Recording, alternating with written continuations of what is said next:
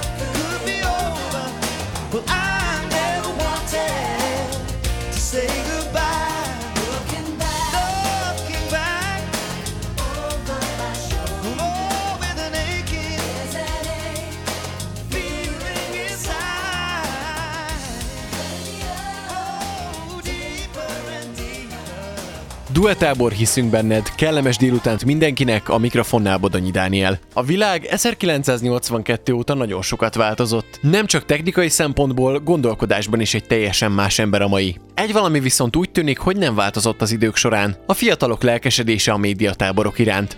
A duett történetének különböző időszakaiból kerestem meg táborozókat, hogy kinek mit jelentett és jelent a due. Elsőként Rácz Henriett Tündét kérdeztem, aki a 90-es évek elején ismerte meg a médiatábort, vagy ahogy ő mondta, egy másik világot.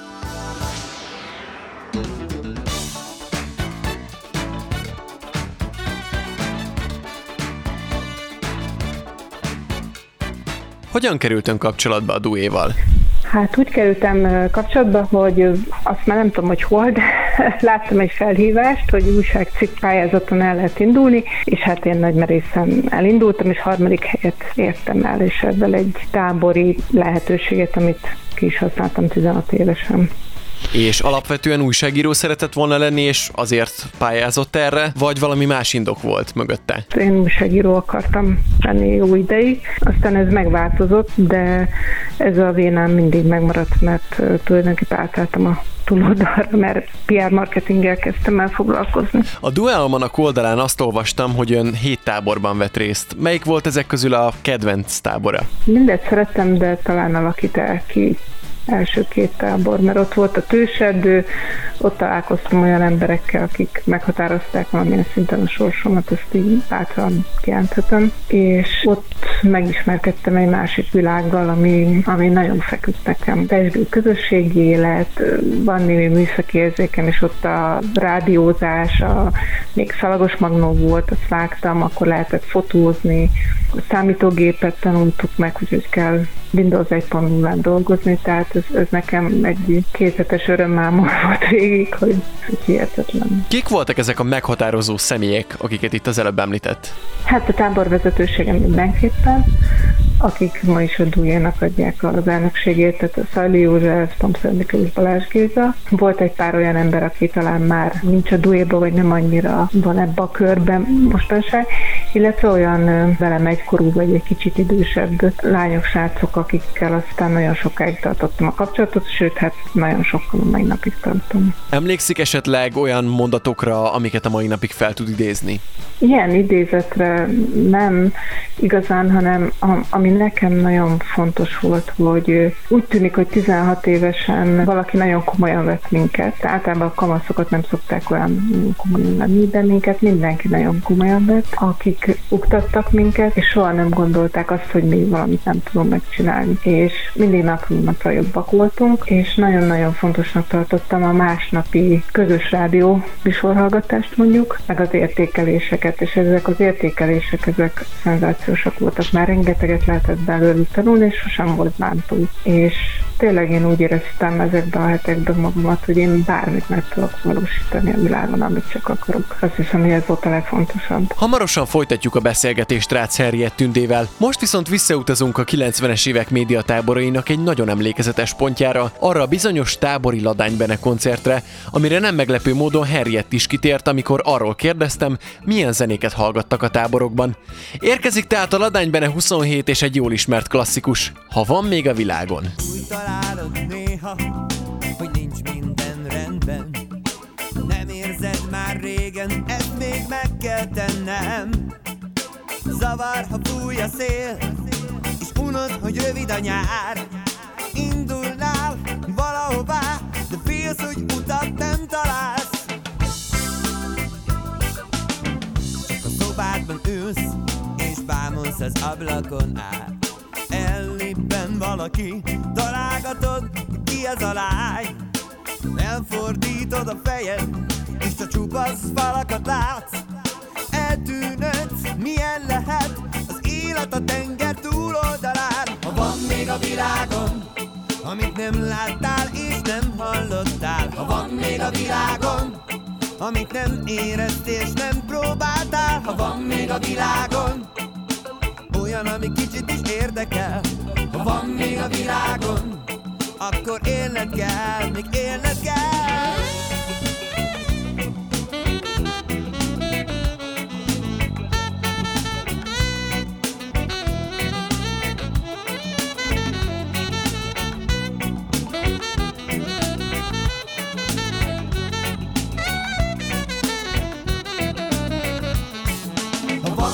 világon, amit nem láttál és nem hallottál. Ha van még a világon, amit nem éreztél és nem próbáltál. Ha van még a világon, olyan, ami kicsit is érdekel. Ha van még a világon, akkor élned, élned, még élned kell. Ha azt mondja valaki, de nem voltál mindig ilyen. Gondold végig az életed egyszer lenn, egyszer fenn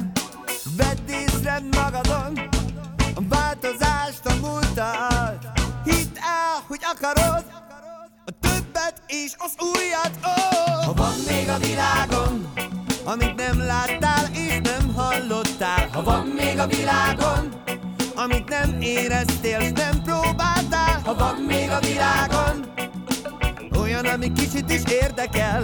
Ha van még a világon Akkor élned, élned, még élned kell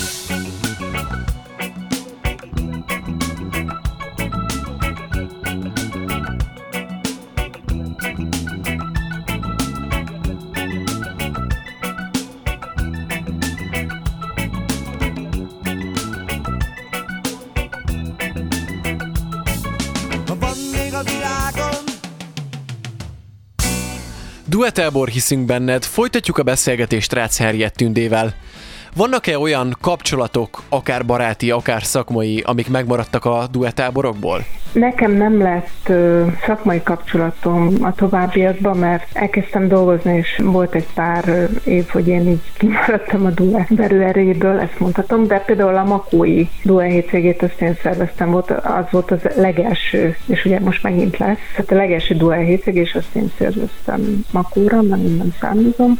Ezeknek a táboroknak köszönhetem életem első nagy szerelmét is. Azon kívül, hogy ugye mindenki nagyon sokat tanult, hát kamasz volt, és hát ö, ott tudott ismerkedni, de ott a távolságok azért elég ne- nehéz volt, hogy ugye mindenki máshonnan jött. De az igazán erős dolgok fennmaradtak és jelentősé váltak. Milyen képességeket sajátított el a duetáborokban, amiket később akár a munkájában tudott alkalmazni? Ami, ami szerintem nagyon fontos, az az igényesség, meg az, hogy, hogy az az utolsó 5% amit mondanak, hogy a Mount Everestet is úgy lehet megmászni, meg mindent, hogy, hogy abban az utolsó 5 is teljesíteni kell. Tehát akkor is, amikor az ember már feladná, vagy nagyjából elfogadná, hogy most megvan, akkor még, még kell tenni azért, hogy jobb legyen.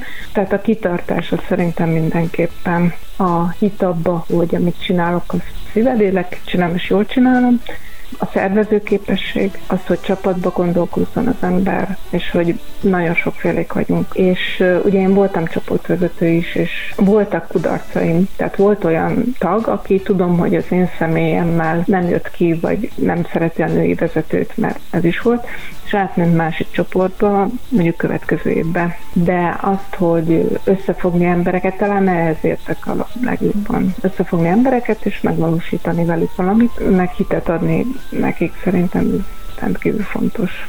A DUE 30. születésnapi rendezvényén ön egy jelentős felajánlást tett. Mi is volt ez pontosan? Jelentős volt nekem, maradjunk ennyiben, meg remélem jelentős annak, akinek adtam, de maga az összeg talán nem olyan jelentős, de az esély, vagy a lehetőség az igen, azt támogattam, hogy valaki, aki egyébként nem tudná mondjuk megfizetni a tábordíjat, az részesen valamilyen ajánlás alapján ebbe a táborba, és lehetőséget kapjon arra, hogy itt megtanulja azokat a dolgokat, hogy elsajátítsa, amit annak idején én is. Hát én nem vagyok egy tehetős ember, de úgy gondolom, hogy ezt nekem mindenképpen már régóta terveztem, hogy ezt megvalósítom, mert én ugyanebben részesültem, és nagyon sajnálom, hogy manapság az esélyegyenlőségnek egyre kevesebb esélye van. Én tényleg megkötöttem egy pályázatot, nyertem, és utána tudtam ezzel boldogulni az életbe is, a munkahelyemen, a tanulmányaimba. Bizonyára ehhez kellettem én is, de az esély az mégiscsak egy fontos dolog. És szerettem volna valakinek egy ilyet biztosítani. Come on over, have some fun, dancing in the morning sun. Into the bright blue sky, come and let your spirit fly. Living it up this brand new day, summer sun, it's time to play. Doing things that feel so good, get into the motion. What I'm feeling, it's never been so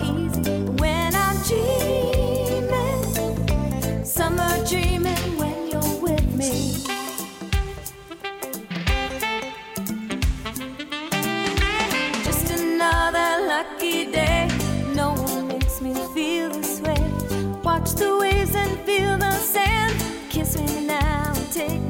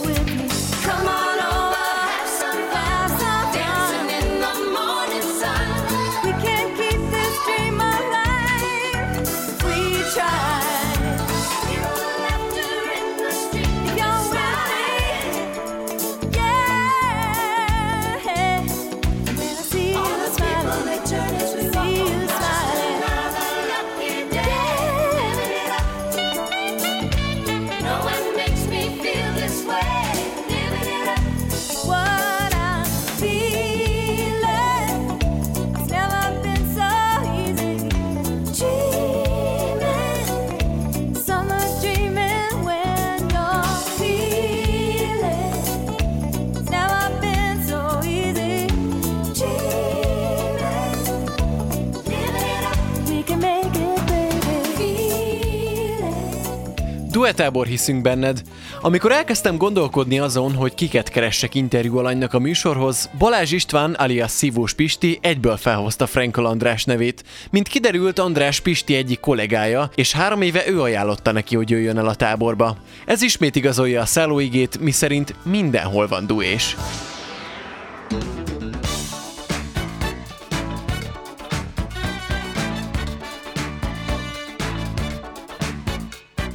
Hogy ismerted meg a duét? Igazából az egyik közeli rokonom talált rájuk. Én érdeklődtem a média világa iránt már viszonylag korán. Hát igazából a nagypapám felesége volt az, aki így fontosnak tartotta, hogy az iskolán kívül is valamiféle oktatásba részesüljenek a családban a gyerekek, úgyhogy ő mindig nézett mindenféle lehetőségeket nyára, és ő találta a duét, hogy ez nekem jó lenne, és teljesen igaza lett, mert nagyon jól éreztem magam mindegyik táborban, amelyikben voltam. Mi érdekelt téged a médián belül? Hát eleinte az újságírás, de ez még nagyon eleinte, tehát ez még ilyen tíz éves korom előtt. Aztán utána pedig egyértelműen a rádiózás, de igazából azt mondhatom, hogy nagyon távol nem áll tőlem a médiának egyik ága se, tehát mindegyikben látok olyan dolgot, ami érdekelhet engem, hogy szívesen csinálnám, de a rádiózás egyértelműen, ami hozzám a legközelebb áll, és amivel leginkább foglalkoztam a mondjuk így pályafutásom során. Hány táborban voltál összességében? Hát, ha jól emlékszem, akkor négy, talán igen, négy, négy táborban voltam. Tehát igazából így 18 éves korom után már sajnos nem jutottam el, mindig volt valami, ami miatt nem jött össze, úgyhogy még 18 éves korom előtt táboroztam, és akkor hát nyilván táborozóként. És milyen csoportokban voltál? Hát először az első két táborban ilyen mondjuk így, hogy univerzális csoport, tehát akkor még nem volt így tematizálva egy-egy csoport, hanem mindenki csinált mindent. Tehát egyik nap újságot csináltunk, a másik nap déli krónikát, a harmadik nap tematikus esti műsor, és ez volt az első két évben, utána jelentek meg valamennyire a tematikus csoportok, hát nagy örömömre a kereskedelmi rádiós csoport volt az elsők között, ami így kilógott a, a tematikájával. A többi csoport közül, úgyhogy a második két évben pedig abban vettem részt értelemszerűen. Mire emlékszel vissza legszívesebben a csoportfoglalkozásokból? Na jó hangulatra. Mindig jókat nevettünk, és közben pedig valamennyire hát nyilván tanultunk is, mert ugye ez is nagyon fontos cél ezeknek a táboroknak, úgyhogy szerintem abszolút profik voltak az akkori, meg mostani vezetőségnek is nyilván a tagjai, és úgy hozták össze az egész történetet, hogy jól is érezzük magunkat, meg fejlődjünk is közben, amennyire ezt tíz napban meg lehet oldani. Hogy kik is voltak ezek a csoportvezetők, táborvezetőségi tagok, akik Andrásra ilyen nagy hatással voltak, azt hamarosan elmeséli. Most viszont egy újabb tábori kedvenc a 90-es évekből, ez a Cut and Move és a Give It Up.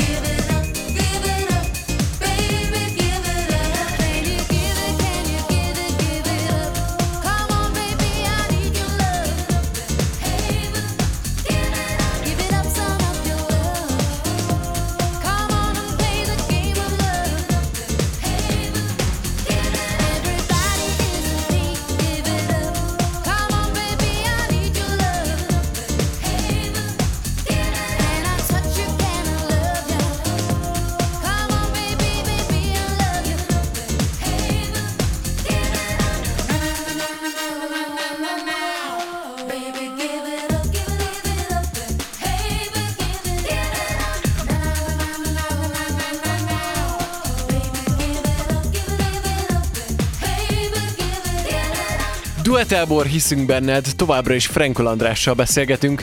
Az előbb ott hagytuk abba a beszélgetést, hogy a csoportfoglalkozások és úgy egészében a tábor hangulatáról meséltél.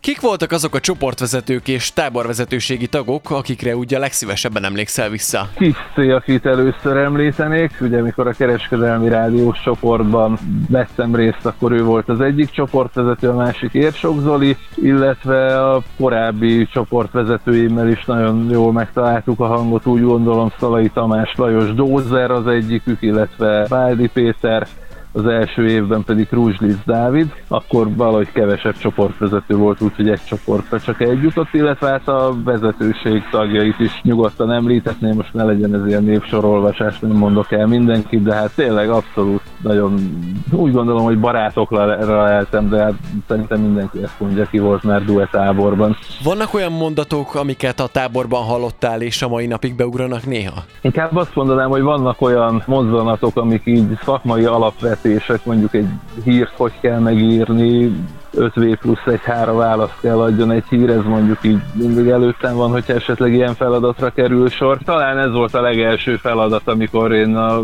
legelső táborban voltam, lehet, hogy azért maradt ez így meg legjobban, de tehát nagyon sok olyan, akár a rádiózás, akár kifejezetten a kereskedelmi rádiózás kapcsán, ami egy alapvető tudnivaló, hogyha valaki a mikrofon mögé akar ülni, vagy újságíróként akar dolgozni. A táborban a szakmai tapasztalatokon kívül gondolom sok barátságot is szereztél. Ezek közül van olyan, akivel a mai napig is tartod a kapcsolatot? Hát most lehet, hogy ez csúnyán fog hangzani, de nem. Tehát igazából még utána így egy pár hónapig, esetleg egy-két évig volt, akivel így jobban tartottuk a kapcsolatot, akár még találkoztunk is, de szeretettel és barátsággal gondolok azokra, akikkel akár csak egy mondatot is váltottunk, vagy nem is váltottunk mondatot, csak ott voltunk bármelyik tíz napban együtt a, a Balatonparton.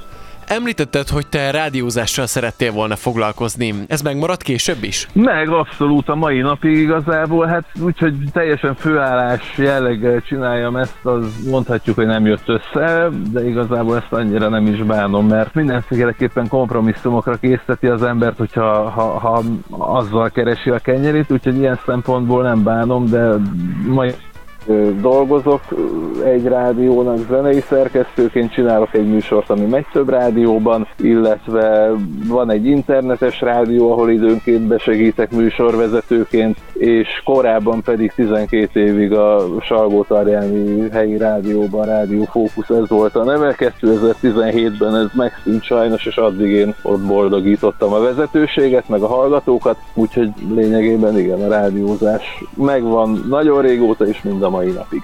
És a rádiózásban segítettek neked azok a dolgok, amiket a táborokban tanultál? Természetesen. Hát nyilván egyfajta autodidakta módon képeztem magam mindig is, mert szerintem aki rádiózni akar, az alapvetően egy belső indítatást kell, hogy érezzen, tehát magának kell megfigyelnie más műsorvezetőket, hogy mi az, ami tetszik neki, mi az, ami nem, de emellé azért szükséges, hogy alapvető tudnivalókat megtanuljon profiktól az ember, tehát azért valamilyen minimális képzés szükséges szerintem ahhoz, hogy mondjuk így, hogy profi módon hely tudjon állni az ember, vagy profihoz közelítő módon hely tudjon állni az ember egy ilyen feladatkörben, tehát mindenképpen a DUE volt számomra a, a legelső ilyen lépcső, ahol amellett, amiket én felcsipegettem így abból, hogy hallgatom, figyelem a profikat a rádióban, és amellé megkaptam azokat a szabályokat, tudnivalókat, amik, amik nem hangzanak el nyilván sehol máshol, csak hogy egy bármilyen képzésen részt vesz az ember. Ha ott lenne előtted most egy fiatal, aki érdeklődik a média iránt, mit mondanál neki, miért jöjjön duetáborba? Nagyon jól fogja magát érezni, sok olyan emberrel fog találkozni, akivel érdemes találkozni, és egy pillanatig nem fog unatkozni, hasznos tíz nap az, amit ott a duetáborban eltölt az ember. Hasznos és élvezetes.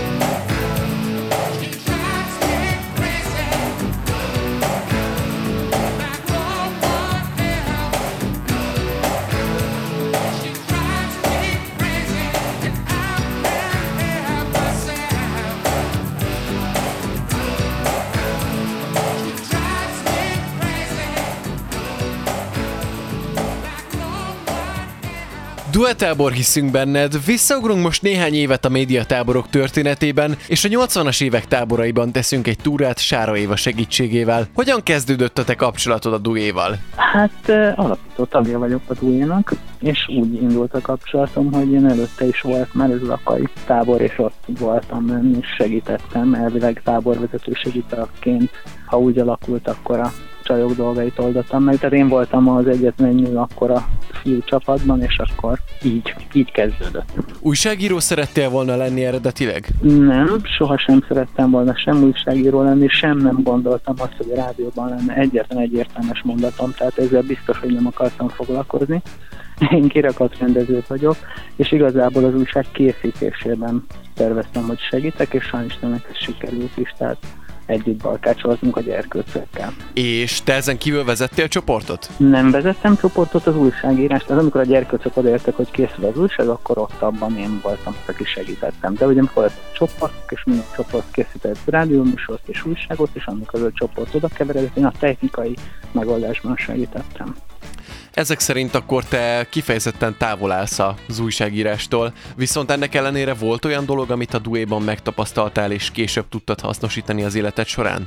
Hát figyelj, talán, talán igen, mert dolgoztam egy-két olyan emberrel, akiktől precizitást tanultam, odafigyelést, tehát szakmailag a maximum kihozása magadból, ilyesmit mindenképpen. És hát mondom, én elvileg újságot készítettünk, a nyomdai előkészítéssel foglalkoztam, és még most is csinálok ilyeneket, tehát magyarul egy képszöveg arány összerendezésre úgy könyvben, mint újságban, mint bármiféle kiadványban. Van esetleg kedvenc, legviccesebb pillanatod a táborokból? Rendszeresen szórakoztunk, ezért még nagyon-nagyon kezdeti táborok voltak, és az rendszeresen előfordult, hogy reggelre, mire felébredt bárki, addigra az autója be volt csomagolva. Emlékszem, az egy akkor a tábor, egyik táborvezető volt, nem ismert figura már a mai dúlésok számára. Az autójából egy tehenet csináltunk, írtó jól nézett ki, tökre becsomagoltuk, kasszul átfújtuk.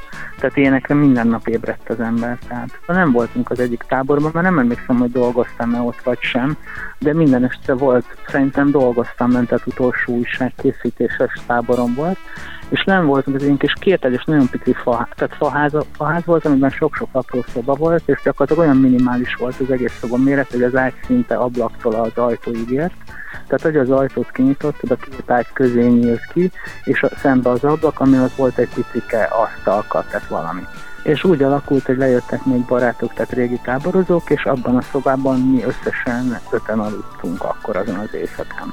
És uh, szerintem aznap éjszaka én nem csináltam újságot, mindannyian próbáltunk aludni, tehát négyen, ketten-ketten feküdtünk az ágyakba, és a Florian Tibinek már nem maradt máshol hely, csak a földön. Szegény elnyúlt a földön, tehát aludtunk, és reggel, amikor ugye az újságot ágyba kapta, tehát úgy ébredte, hogy ott van az újság a szobádban, az ajtót, ahogy kinyitott a szegény gyerek, a Florian Tibi lábára csapta az ajtót, ajtót, aki ugye ettől felébredt és felül, de úgy férte, hogy a fej az asztal alatt volt, és ezzel az a mozdulattal le is fejelte az asztalt.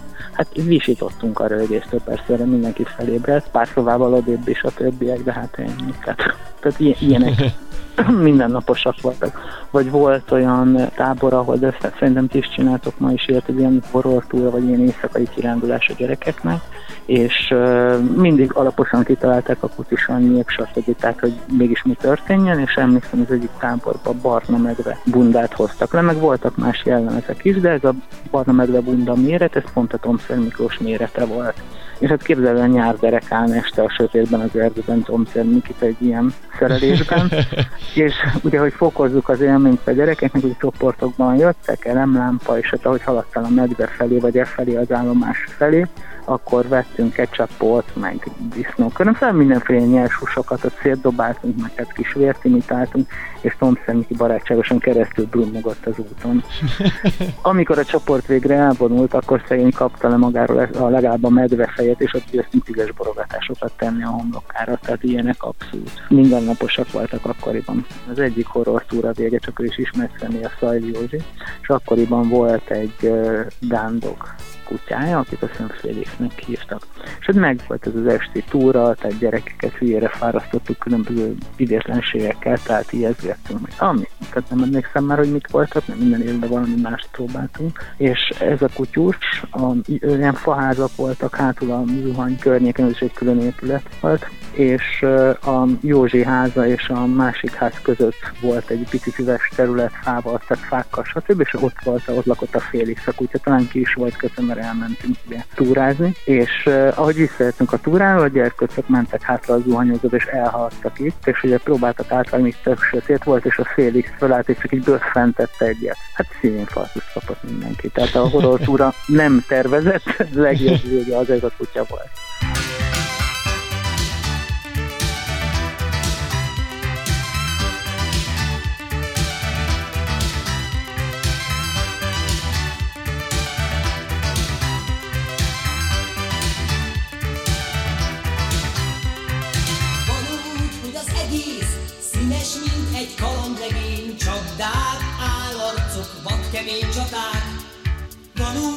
Hogy az egész szabad jó ízű nevetés, széles vászló, vidám bolondozás.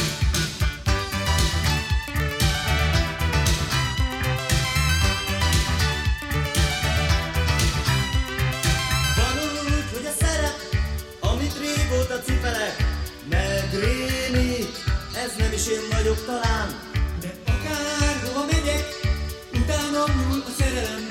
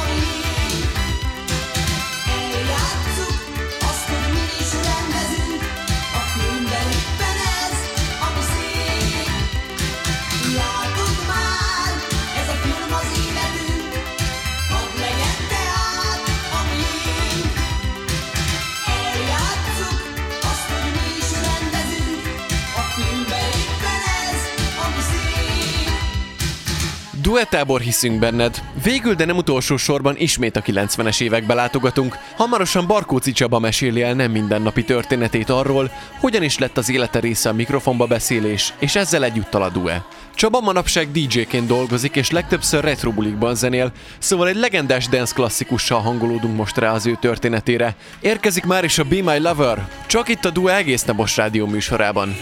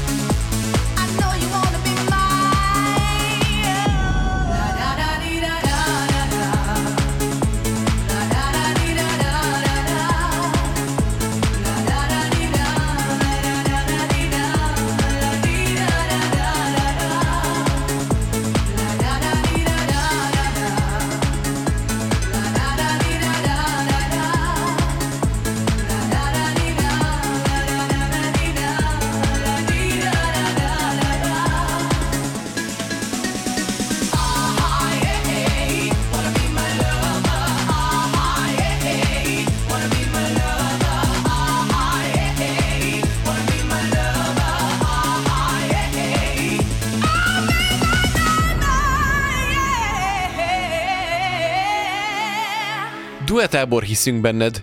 Barkóci Csaba a következő interjú alanyom, aki nem mindennapi módon lett részese a rádiózás világának, és ezzel együtt a duénak. Egyszer például annyira élvezte a tábort, hogy úgy döntött, nem megy haza, inkább ott marad a következőre is.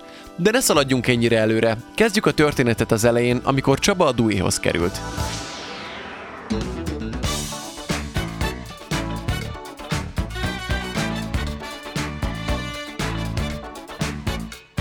Az előzményekről annyit kell tudni, hogy én úgy születtem, hogy dadogtam. Nem kicsit dadogtam, hanem én azt mondom, hogy egy épkézláb mondatot nem tudtam kimondani normálisan, viszont mindig vonzott a rádiózás. Rádióba, így a diszkózásról, a díszjokékról, a rádiósokról azért hallott az ember.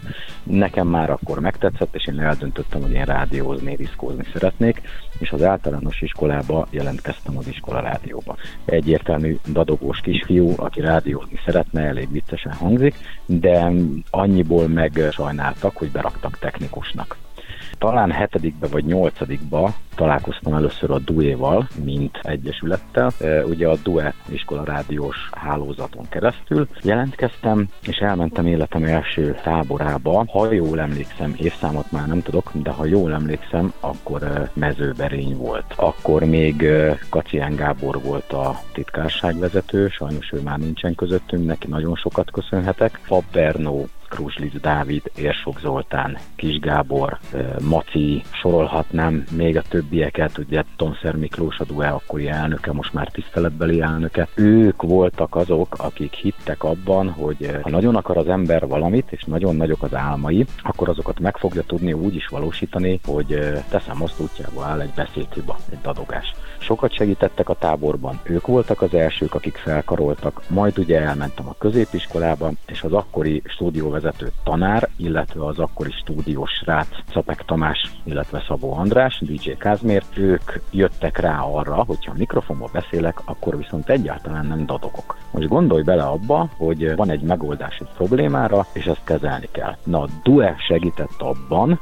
hogy ha ez egy nagyon jó megoldás, hogy mikrofonban nem dadogok, akkor beszéljek folyamatosan mikrofonba. Feleljek az órán mikrofonnal a kezembe, és bevált. Tehát úgy mentem ki a tanárok elé, a diákok elé az órán felelni, hogy egy mikrofon volt a kezembe, és le tudtam felelni életembe először. És erre a DUE vezetett rá. Na és itt volt az a pont, amikor, amikor én rájöttem, hogy egyrészt nekem ugye a rádiózás, a diszkózás legyen a jövőm, illetve a DUE. Hát a DUE sajnos most egy kicsikét háttérbe szorult az elmúlt jó néhány évben, de a szívem mélyén még mindig duésnek tartom magam, a tagságom még mindig aktív. Sajnos táborokban nem jutok el, nem jutottam el az utóbbi évekbe, bár az elmúlt év nyarán, nyarain terveztem, hogy a nyári táborokba kinézek. Sajnos ugye pont akkor vannak az ilyen fesztiválok, nagyobb rendezvények, azok közbe szóltak általában. Hamarosan folytatjuk a beszélgetést Barkóci Csabával, aki a régi tábori bulikról is mesél majd. Ha pedig tábori buli, akkor van egy zene, ami szinte minden felező és záró buli kötelező eleme. Ez nem más, mint Korona és a Rhythm of the Night. This is the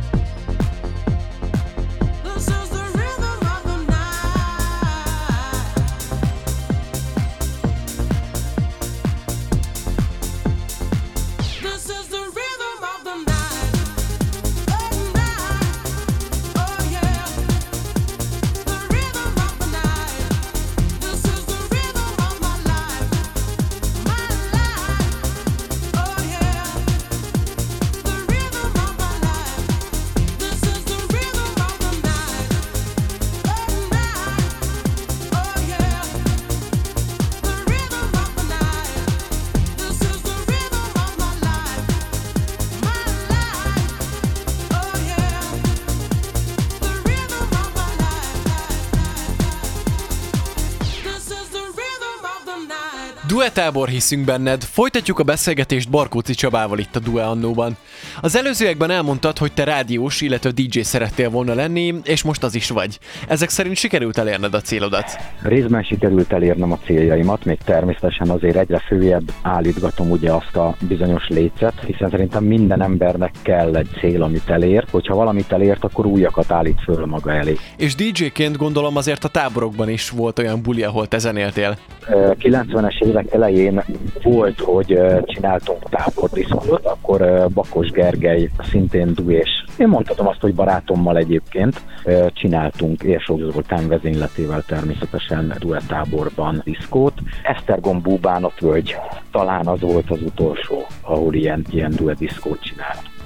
Mi számodra a legemlékezetesebb sztori a táborokból? Fú, hát a legemlékezetesebb? Talán Szanazug volt ahol egy évben két tábor volt. Ugye volt egy kezdő talán, és a második tábor az ilyen haladó tábor volt. Ugye nekünk nagyon az első táborunk volt Bakos Gergő, Kancler Csaba személyében, és mi úgy döntöttünk, hogy annyira jó volt a társaság, jó volt a tábor, nagyon sokat tanultunk, és barátságok szövöttek, hogy lent maradunk a második táborra is. De ugye a második táborban nem fizettünk be, nem volt se szállásunk, se semmink, úgyhogy a Tiszaparton letáboroztunk, és a táborlapok ugye lejártak a Tiszapartra, és mi egyszerűen ott maradtunk. Szerintem még egy három-öt napig biztos és az volt életem első sátortáborozása is egyébként.